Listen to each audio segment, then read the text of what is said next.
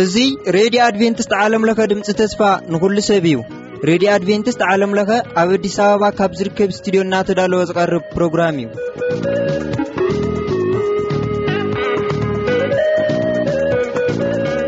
ኣብ ርሑቕን ቀረባን መደባትና ንምድማፅ ኣብ መስመርና ትርከቡ ተኸታተልቲ መደብና ብቐዳምነት ዝዓዘዘ መንፈሳዊ ሰላምታ ኣብ ዘለኹም ወይ ውፃሕኩም ንብል ካብዚ ካብ ስቱድዮና ብምቕፃል ንሎሚ ዝህልወና መደብ መደብ ክፍለጥ ዘለዎ እዩ ምሳና ፅንሑ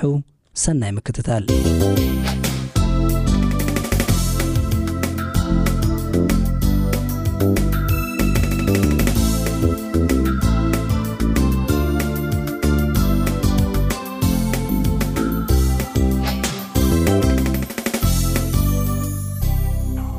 ብጎይታ ብየሱስ ክርስቶስ ዝተፈተኹም ክቡራት ኣሕዋት ኣብ እግዚኣብሔር ኣቦናን ካብ ጎይታናን መድሓኒና የሱስ ክርስቶስን ካብቲ ህያው ዝኾነ መንፈስ ቅዱስን ጸጋን ሰላምን ንዓኻትኩም ይኹን።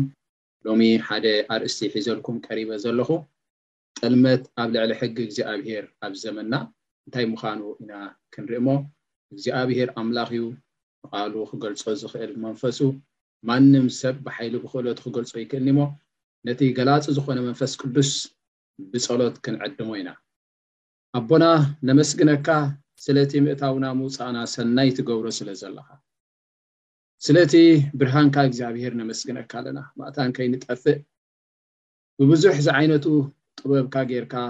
ትበጽሓናን ትረድኣናን ኣለኻ እሞ ጎይታ ነመስግነካ ኣለና ኣብዚ መወዳእታ ዘመን ህዝብና ንዓኻ ይፈለጠን እግዚኣብሄር ኣምላኽ ሕግኻ የፍርስ ኣሎ እግዚኣብሄር ኣምላኽ ጥልመት ይርአ ኣሎ ጎይታ እዚ ኸኣ ነፍሲ ወከፍና ክንፈልጦን ክንርድኦን እሞ ብንስሓ ናባኻ ክንቀርብ እግዚኣብሔር ዕድልን ግዜን ክትበና ኣቦ ንልምነካ ኣለና ስለ ስም ወድኻ የሱስ ክርስቶስ ኣሜን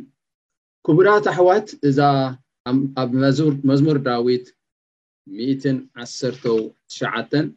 ፍቕዲ ሚእትን ዕስራን ሽዱሽተን እንታይ ይብል ሕግኻ ኣፍሪሶ ሕግኻ ኣፍሪሶም እዮምሞ እግዚኣብሄር ግብሩ ዝገብረሉ ግዜ እዩ ንኹሉ ገግዜኡ ኣሎ ኣብ መክበብ ምዕራፍ ሰለስተ ከም ዝገለጾ ንኹሉ ገግዜኡ ኣሎ እግዚኣብሄር ሕጂ ከምዚ ዘይርኢ ከምዚ ዘይግደስ ኮይኑ ይስማዓካ ማለት እዩ ስቕ ስለ ዝበለ ማለት እዩ ግን ሓንቲ መዓልቲ ኣላ እግዚኣብሄር ግብሩ ዝገብረሉ ግዜ እዩ እንታይ ምስ ዝኸውን ጥልመት ምስ ዝበዝሕ ምፍራስ ሕጊ ምስ ዝበዝሕ እግዚኣብሄር ግብሩ ዝገብረሉ ግዜ ክመጽእ እዩ። ፍርዱ ዝግለጸሉ ግዜ ክመጽእ እዩ። ደሓር ሰባት እንታይ ክብሉ እዮም? ብሓቂ ንጻድቕስ እባ ፍረ እባ ኣለዎ እዩ ክብሉ እዮም። ብሓቂ እባ ነቲ ዓማጺ ዝፈርድሲ ኣሎ እባ ክሳዕ ዝብሉ ክኾኑ እዮም ማለት እዩ። ሎሚ ዘሎ ወለዶ ነቲ ሕጊ እግዚኣብሔር ኣምላኽ ዘለዎ ኣጠማምታ ጉጉይ እዩ ህልኸኛ ወለዶ እዩ ዝሕጂ ዘሎ ወለዶ ሕጊ እግዚኣብሔር ከይሰምዕ እዝኑ ዝዓጹ ወለዶ እዩ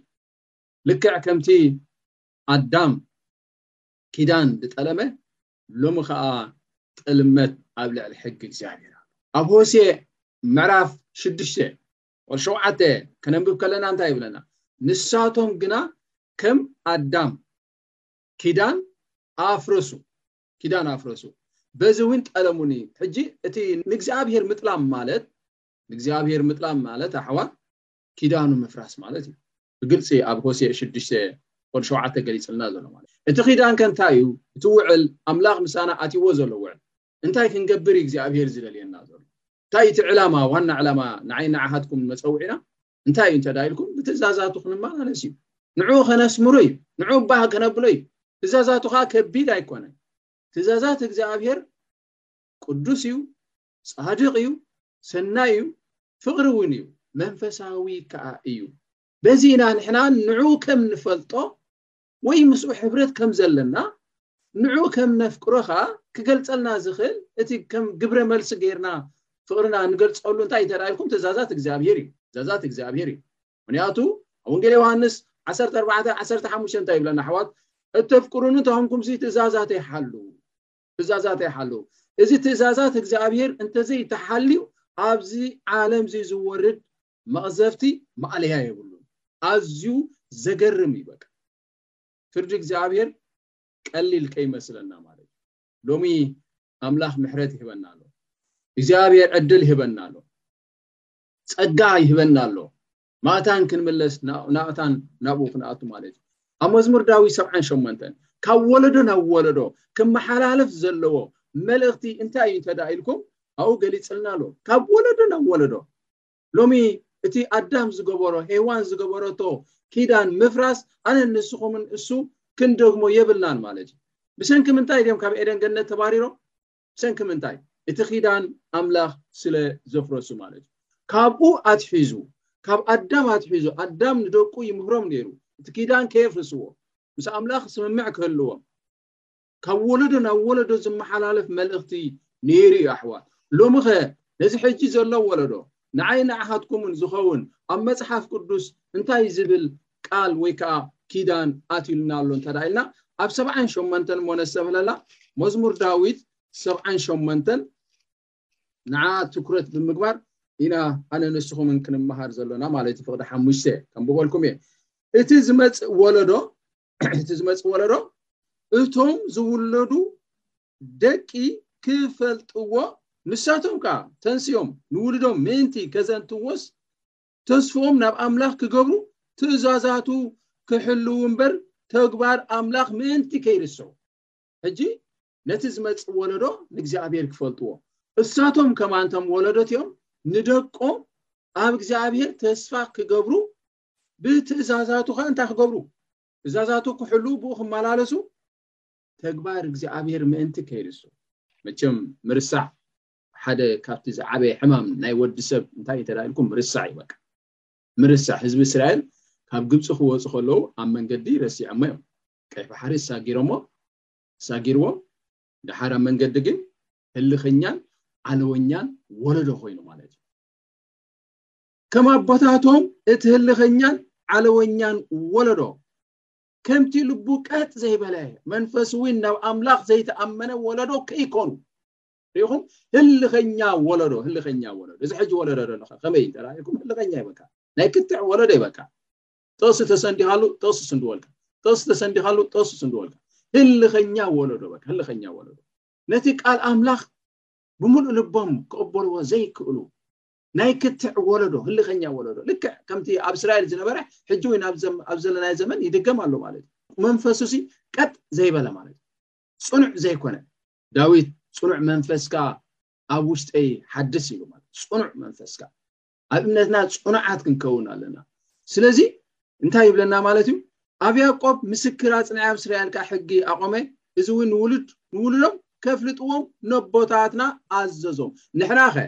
ነዚ ሕጂ ዘሎ ወለዶ ንደቅና እንታይ ኢና መልእኽቲ ከነመሓላልፈሎ ንውሉድ ወለዶ ዝመሓላለፍ እንታይ እንተ ኢልኩም መንገዲ እግዚኣብሄር ትእዛዛት ኣምላኽ ክፈልጡ ነቲ ተግባር እግዚኣብሄር ማእታን ከይርስዕዎ እዩ ደሓር ይቕፅል ኣብነት ይበና ናይ መን ናይ ኤፍሬም ማለት እዩ ኤፍሬም ቁጽሪ ትሽዓተ ውሉድ ኤፍሬም ተዋጋእትን ወርወርትን ብመዓልቲ ውግእ ንድሕሪት ተመልሱ ኤፍሬም ጅግና እዩ ጅግና ተዋጋእ እዩ ነገር ግን ኣብ ግዜ ውግእ ንድሕሪት ተመልሰ ስለምንታይ ሓደ ጅግና እንተ ደኣ ኮይኑ እንታይ ኮይኑ ንድሕሪት ይምለስ እንታይ እዩ እቲ ምክንያት ወደ ዓሰርተ ገሊፅዎ ኣሎ ኪዳን ኣምላኽ ኣይሓለውን ብሕጉ ምምልላስካ ኣበዩ ስለዚ ንድሕሪት ክምለሱ ግድን እዩ ማለት እዩ ካብዚ ኣነ ንስኹም እንታይ ንመሃር ማለት እዩ የሱስ የሱስ ምባል ፅቡቅ እዩ ጌጋ ማለት ኣይኮነን የሱስ የሱስ እንዳበልካ ኪዳን ኣምላኽ እንተ ተፍርስ ዝኾንካ የሱስ የሱስ እንዳበልካ እቲ ትእዛዛት ኣምላኽ ከምቲ ዝግባእ እንተዘይሓሊኻዮ መንፈሳዊ ዓወት የብልካን ብልጫ ዝበሃል የብልካን ንድሕሪት ኢኻ ክትምለስ ማለት እዩ ኤፍሬም እኮ ኣብ እግዚኣብሔር እዩ ዝእመን ኣብ እግዚኣብሔር እዩ ዝኣምን ጣዖት ኣይኮነ ዝኣምን ነገር ግን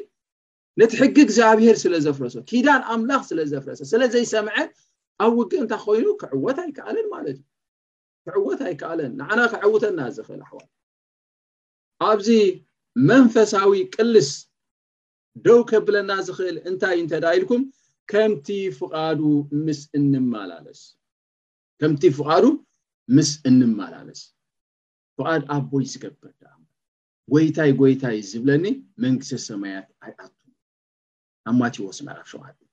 ፍቓድ ኣቦይ ዝገብር ደኣ እምበር ጎይታይ ጎይታይ ዝብለኒ መንግስተ ሰማያት ኣይኣቱን እዩ ኢልና ኣሎ እቲ ፍቓድ ኣምላኽ እንታይ እዩ እቲ ድሌት ኣምላኽ እንታይ እዩ እቲ እግዚኣብሄር ኣባና ክፍፀም ደልይዎ ዘሎ እንታይ እዩ እንተዳ ኢልኩም ትእዛዛት ኣምላኽ እዩ ካልኣ ኣይኮነን እኳ ንሱ ብኡ ክንመላለስ እዩ እቲ መንገዲ ኣምላኽ እንታይ ተራእዩ ትእዛዛት እግዚኣብሔር እዩ በቃ እምበር ስነ ኣእምራዊ ከለካ የሱስ ይኣምነ ንሱ መድሓኒ እንዳልካ ክትከይድ ኣይኮነን ሃይማኖት የሱስ ብግብሪ ዝግለጽ ብግብሪ ዝግለጽ እዩ ከምቲ እስራኤላውያን ትእዛዛት ኣምላኽ ከፍርሱ ከለዉ ኣብ ኩናት እንታይ ገብሩ ነይሮም ንድሕሪት ይምለሱ ነይሮም ይሰዓሩ ነይሮም ኣብ ዘዳግም ምዕራፍ ሓደ ፍቕዲ ኣርባዓን ሓደን ክሳብ ኣርባዓን ኣርባዕተን ዘሎ ከንብበልኩም እየ ኣብኡ ህዝቢ እስራኤል ነቲ ሕጊ እግዚኣብሄር ምስማዕ ምስ ኣበዩ ኣብ ኩናት እንታይ ይኮኑ ነይሮም ማለት እዩ ይሰዓሩ ነይሮም ይሰዓሩ ነይሮም ብተደጋጋሚ ህዝቢ እስራኤል ዝሰዓሩ ዝነበሩ ኣነ መፅናዕቲ ከም ዝገበርኩ ኣብ መፅሓፍ ቅዱስ ኣብ ከመይ ኩነታት እዮም ዝሰዓሩ ከመይ ኩነታት እዮም ከድስዕሩ ነይሮም ኢለ ከንብብ ከለኹ ዝገርመኩም ንሱ እዩ ድምፂ ኣምላኽ ዘይምስማዕ ትእዛዛት እግዚኣብሔር ዘይምሕላው ኪዳኑ ዘይምሕላው ንክትሰዓር ኣፍደገ ምኽፋት በቃ ንሰይጣን ኣፍደገ ምኽፋት ማለት እዩ ኣነ ክሰዓር ደልየ ኣለኹ ትብል ኣለኻ ባዕልካ ማለት እዩ እንጂ ኣብ ዘዳግም ምዕራፍ ሓደ ኣርባዓን ሓደን ከንብበልኩም እየ ሽዑ ከዓ ንእግዚኣብሔር ኣበስና ንድይብ እሞ ከምቲ እግዚኣብሔር ኣምላኽና ዝኣዘዘና ኩሉ ድማ ንዋጋ በልኩምኒ ነፍሲ ወከፍኩም ውን መሳርያ ተዓጥቀ ናብ ከረን ክትድይቡኻ ተዳለኹም እግዚኣብሔር ድማ ኣነ ኣብ ማእከልኩም ኣይኮንኩን እሞ ኣብ ቅድሚ ጸላትኹም ምእንቲ ክትሰዓሩ ናብኡ ኣይትደይቡ ኣይትዋግኡ እውን በሎም። በቲ ሓደ ወገን ከዓ ይሓልየሎም፣ ጊደፉ ገይድፉ ከይትጠፍኡ፣ ኣነ ኣብ ማእከልኩም ኣይኮንኩን ኢሎም። ክሳብ ጌግኦም ዝፈልጡ፣ ክሳብ በደሎም ዝፈልጡ፣ እግዚኣብሄር ጊደፉ ኣይትኺዱ፣ ኣነ ኣብ ማእከልኩም ኣይኮንኩን። ስለምንታይ እግዚኣብሄር ኣብ ማእከሎም ዘይኮነ? እግዚኣብሄር ኣብ ማእከል ህዝቡ እዩ ዝብል። ብኸመይ እግዚኣብሄር ዝቐርበና፣ ብኸመይኸ እግዚኣብሄር ዝርሕቐና? ኣብኡ ገሊፅዎ ኣሎ ትሕት ኢልና እንተራሪና ፅቡቅ ገይሩ ገሊፅዎ ኣሎ ብንፁር ወዲ ኣርባዓን ሰለስተን ኣነ ድማ ነገርኩኹም ንስኻትኩም ግና ትእዛዛት እግዚኣብሄር ኣበኹም እዚኣ እታ ምክንያት እታ ምክንያት ሪኢኹም ኣነ ኣብ ማእከልኩም ኣይኮንኩን ከይትኸዱ ከይትጠፉ ፀላእትኹም ክስዕሩኹም እዮም እታ ምክንያት ከዓ እንታይ ኣነ ነገርኩኹም ንስኻትኩም ግና ትእዛዛት እግዚኣብሔር ኣበኹም ብድፍረትኩም ናብቲ ከረን ደየኩም እምበር ኣይሰማዕኩምን እንዲስ ኢልካ ንኣምላክ ክትቅድሞ የብልካ ንኣምላክ ክትቅድሞ የብልካ እግዚኣብሔር ድኣ ክቅድመካ ኣለዎ እምበር ንኣምላክ ክትቅድሞ የብልካን ቀሲ ስለ ዘለካ ዋልታ ስለ ዘለካ ስራጋላታ ስለ ዘለካ ብዝሒ ሰራዊት ስለ ዘለካ በቃ ክንስዕሮም ኢና ኢልካ ንእግዚኣብሔር ከየቀደምካ ክትከይድ ምፍታን ማለት ሕፍረት ወይ ከዓ ስዕረት ባዕልካ ምዕዳም ማለት ኣበኹም ብዘይ እግዚኣብሔር ግን ናብ ኩናት ክኸዱ ደልዮም ይደፉ ኢልዎም እንታይ እቲ ምክንያት ትእዛዛት እግዚኣብሔር እስኪ ሕጂ ናብ ሂወትና እስኪ ነምፀያ ኣብዚ ዓለወኛ ዝኾነ ወለዶ ኣብዚ ህልኸኛ ዝኾነ ወለዶ ኣብዚ ዘይሰምዕ ወለዶ ኣብ መንፈሳውነትና ዕብየት ወይ ከዓ ለውጢ ዘይመፅእ ምኽንያት እንታይ እንተ ኢልና ምስ እግዚኣብሔር ንተሃላለኽ ኣለና ማለት እዩ ህልኽ ልክዕ ከምቲ ሳኦል ዝተሃላለኸ ምስ ሳሙኤል ተሃላለ ንምንታይ ከም ዘይገበርካ ተበሎስ ከምኡ እንዲዮም መገ እንታይ ደኣ ኣለን ዘን ኣባጊዕ እዚአን እዚአን ንመስዋእቲ ኮና ፅን ምባል ካብ ስሩሕ መስዋእቲ ድምፂ ኣምላኽ ምስማዕ ኣሕዋት ካብ ዝኾነ ይኹን ነገር ይበልጽ እዩ ካብ ኣምልኾ ይበልጽ እዩ ካብ መዝሙር ይበልጽ እዩ ኣሕዋት ጽን ምባል ንእግዚኣብሔር ጽን ምባል እንታይ ይብለኒ ኣሎ እንታይ እዩ ዝእዝዘኒ ዘሎ ይሰምዖ ዶ ኣለኹ ኢልና ክንሓስብ ይግባኣና እግዚኣብሔር ዘሐጉሶ ነገር እንታይ እንተ ኢልኩም ትእዛዛቱ ኣምላኽ ክንመላለስ እዩ በቃ መወዳእታ መወዳእታ ናተይ ናትኩም መዝነት እንታይ ብትእዛዛት እግዚኣብሔር ክንመላለስ እዩ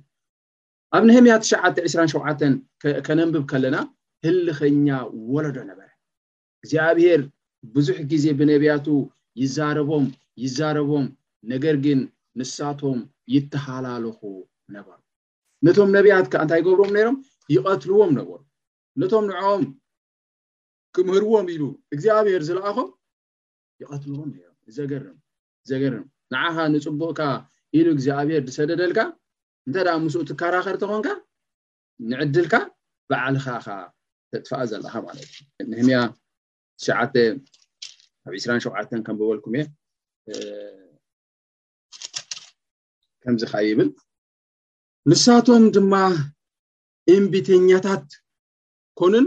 ካባኻ እንታይ ገበሩ ዓለውን ንሕግኻ ድማ ንድሕሪኦም ደርብዮም ነቶም ናባኻ ክምለሱ ዝመዓድዎም ነብያትካ ቀተልዎም፣ ንዓኻ እውን ኣዝዮም ጸረፉኻ። ስለዚ ናብ ኢድ ጸላእቶም ኣሕሊፍካ ሃብካዮም እሞ ኣጨነቕዎም፣ ብግዜ ጸበቦም ግና ናባኻ ኣወዩ፣ ንስኻ ድማ ካብ ሰማይ ሰማዕካ ከምቲ ብዙሕ ምሕረትካ ከኣ ካብ ኢድ ጸላእቶም ዘድሕንዎም መድሓንቲ ሃብካዮም ኣብዚ ጸጋ ጸጋ ኢና ንርኢ እግዚኣብሔር ኣምላክ ይመስገን ክንጋገ ከለና ዕድል ሂበና ኣሕዋት ዕድል ሂበና ዋላ እንተተሃላለኽናዮ ዋላ ትእዛዛቱ እንተፍረስና እግዚኣብሔር ዕድል ሂበና እቲ ዕድል ድህበና ዘሎ ንክንምለስ እዩ ትእዛዛቱ ንክንሕልዎ እዩ እቲ ዋና ዕላማ እንተደኣ ስኢልና ብኡ ንቕፅል እንተደኣ ኮይንና ግን ከምታ መጀመርታ ዘንበብናያ ኣብ መዝሙር ዳዊት 119 ፍቕዲ 126 ሕግኻ ኣፍሪሶም እሞ እግዚኣብሄር ግብሩ ዝገብረሉ ግዜ እዩ ከም ዝበሎ እግዚኣብሄር ናብ ፍርዲ እዩ ደረክወካ ማለት እዩ ዕገሰካ ዕገሰካ ዕገሰካ እንድሕር ዘይሰምዕ ተኾንካ ተሰዓሪ ኢኻ ትኸውን ማለት እዩ እሞ እዞም ሰባት እዚኣቶም ንኸይሰዓሩ ንኸይጠፍኡ ከመይ እግዚኣብሔር ይቐርቦም ነይሩ ማለት እዩ ከመይ ይደልዮም ነይሩ ማለት እዩ ክንደይ ግዜ ምሕረት ይገብረሎም ክንደይ ግዜ ምሕረት ይገብረሎም መወዳእታ ይበዝሕ በዝሕ ግን ኣብ ምድረ በዳ ጠፍዮም እቶም ዝሰምዕዎ ግና ከነኣን ኣትዮም ኣሕዋት ኣነ ንስኹምን ህልኸኛ ኣይንኹን ድምፂ እግዚኣብሔር ንስማዕ ምስ ሰባት ክትዕ ኣይንፍቶ ክትዕ ጽቡቅ ኣይኮነ ሓቂ እንተ ደኣ ኮይኑ እቲ ቃል ኣምላኽ ዝነግረና ዘሎ ሰብ ምቕባሉ ግቡእ እዩ በቃ እሱ ይኮነ ንዛረበካ ዘሎ እግዚኣብሔር ብመንፈሱ ገይሩ ይዛረበካ ምስ ቃል ኣምላኽ ኣይንተሓላለፍ ምስ ድምፂ እግዚኣብሔር ኣይንተሓላለፍ እግዚኣብሔር ንዓና ልኡኻት ክሰደልና ከሎ ምስኣቶም ኣይንተሓላለፍ ንዓቶም ኣይንፅረፎም ኣይነዋርዶም። ምስኣቶም ምትህልላኽ ማለት ምስ መንፈስ ቅዱስ ምትህልላኽ ማለት እዩ። ነቲ ጌጋ ጌጋ ክንብል ነቲ ቁኑዕ ካ ቁኑዕ ክንብል እግዚኣብሄር መብቲ ወይ ከዓ ሓላፍነት ሂብና ኣሎ። ነቲ ናይ ኣምላኽ ቃል ግና